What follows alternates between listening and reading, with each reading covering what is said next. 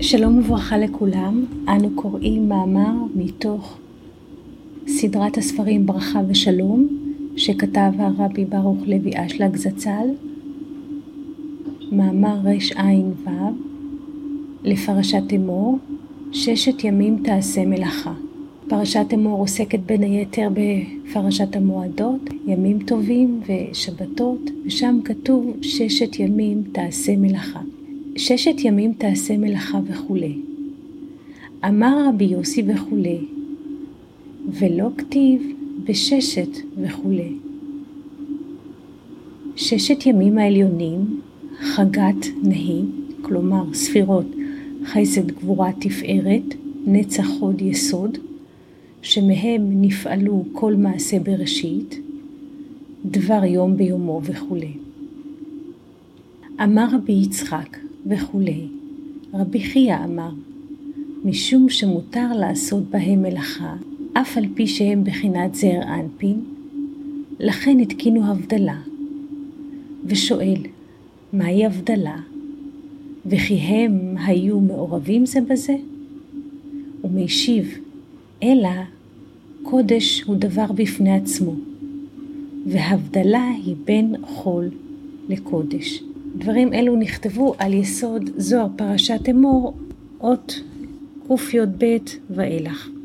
ושאל זצ"ל, מדוע ששת ימי המעשה, שהם בחינת זר אנפין, הוא חול, ומלכות שהיא בחינת אחרונה, היא קודש. כלומר, כאן שואל הרב, מדוע זר אנפין שהוא המשפיע נחשב לששת ימי החול, ואילו דווקא המלכות שהיא מקבלת נחשבת לקודש. הרי יש פה הופכיות, אם המשפיע, הרי המשפיע בדרך כלל הוא הקודש, המקבל הוא בדרך כלל החול. אז מה פתאום שששת ימי המעשה שהם בחינת זר אנפין, הם נקראים ששת ימי החול? ולמה מלכות שהיא בחינת שבת והיא מקבלת, שבת בחינת כביכול פסיביות, פושב, והיא נחשבת קודש. למה הדברים הם הפוכים? ואמר, זר אנפין נקרא ששת ימי המעשה, חגת נהי, כלומר ספירות חסד גבורה תפארת, נצח עוד יסוד, שהם מאירים בכל יום אור. ומהם נמשכים דבר יום ביומו. אבל שבת נקרא שאז מתגלה מה שיש בששת ימי המעשה. נמצא הגילוי של זר אנפין הוא בשבת. אבל שבת בעצמה אין שום תכונה שיהיה לה מה לתת, כי מלכות נקראת ענייה ודלה. לפי זה יוצא ששבת שהיא מלכות, אין לה שום דבר. אם כן, אין לה מה לתת מבחינת, לכן שבת אסורה בעשיית מלאכה. כי מלכות, אין לה מה לתת מבחינתה.